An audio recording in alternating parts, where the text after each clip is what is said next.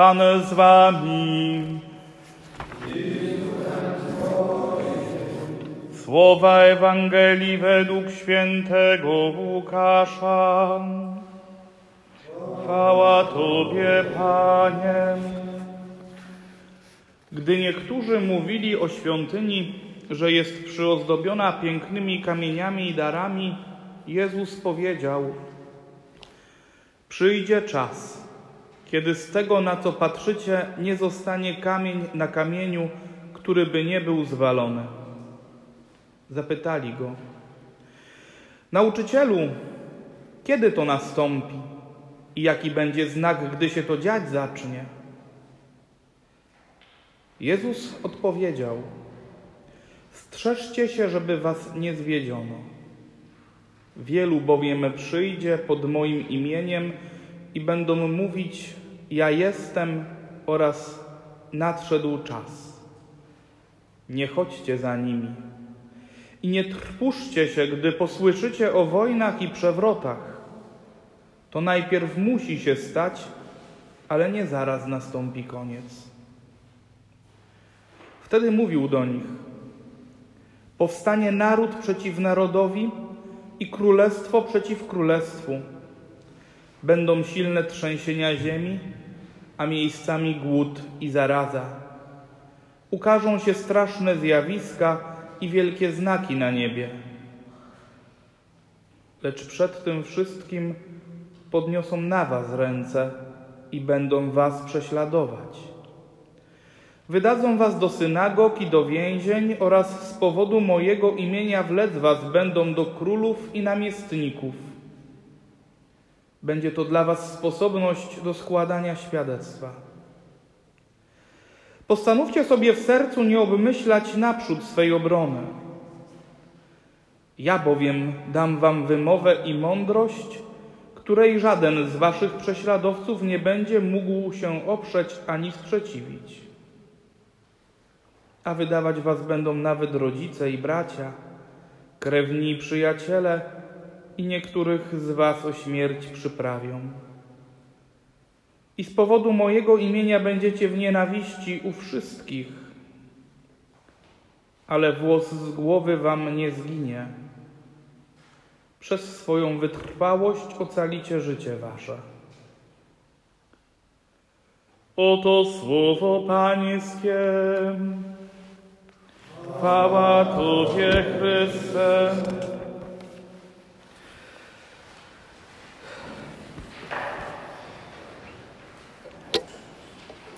Końcówka roku kościelnego, liturgicznego w czytaniach to jest apokalipsa. Tak by to trzeba nazwać. I pierwsze czytanie z księgi proroka Malachiasza, i Ewangelia mówi o sądzie Bożym, o czasach ostatecznych, o tym, co się stanie na końcu czasów. I my tego nie lubimy słuchać.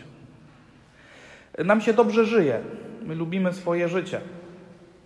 I nie chcemy, żeby nam ktoś przypominał, że przyjdzie jakiś sąd, że przyjdzie jakieś rozliczenie.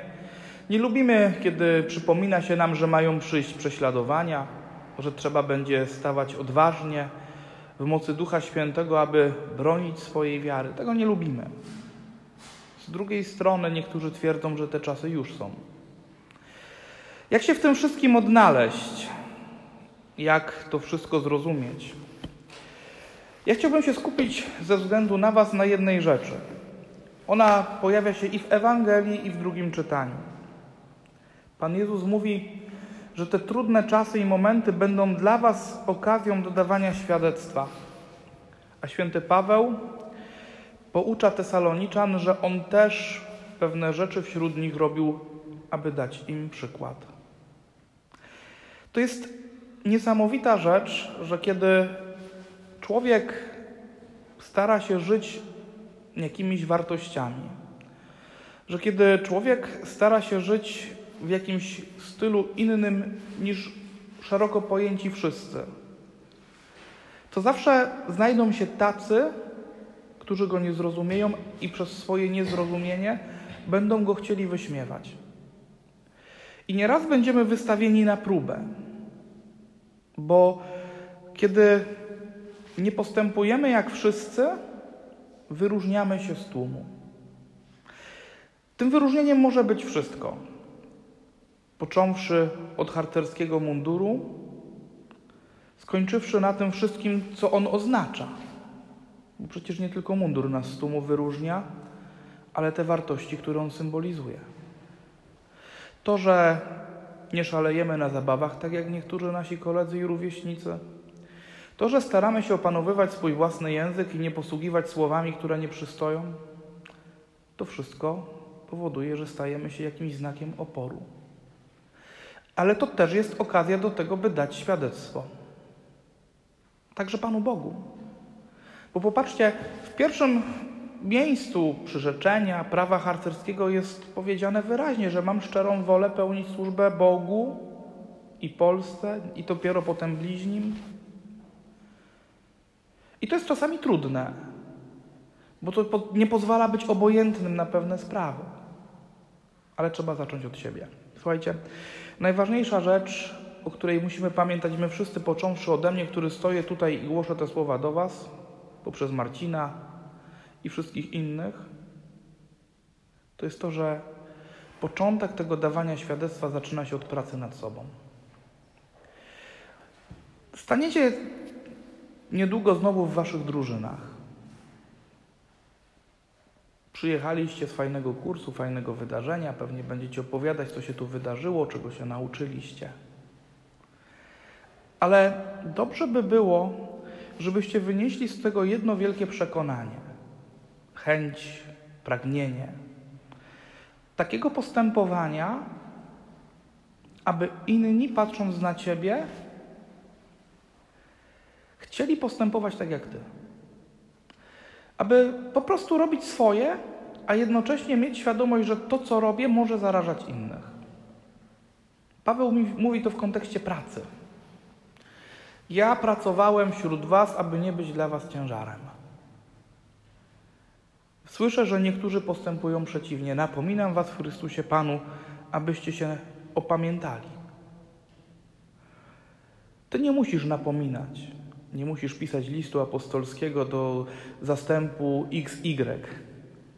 Ale ty, będąc członkiem zastępu, może też będąc zastępowym, możesz po prostu robić swoje najlepiej, jak potrafisz. I to już jest najpiękniejsze świadectwo. Jeśli Ciebie będą widzieli, że jesteś pilnym uczniem, może nie najlepszym w klasie, ale pilnym, zawsze przygotowanym, będziesz ich inspirował. Jeśli Ciebie będą widzieli, że jesteś może nie najświętszym człowiekiem, ale starasz się pracować i poprawiać swoje wady, będziesz ich inspirował. Jeśli będą widzieli, że starasz się też spowiadać, chodzić do kościoła, to wszystko będzie inspirować, bo będą mieli kogoś, o kogo będą się mogli oprzeć. Swojego kumpla, o którym wiedzą, że ich nie wyśmieje, kiedy będą robić to samo. Swojego kumpla, który będzie taką podporą, bo przecież nie jestem już sam ale tą podporą musisz stać się Ty.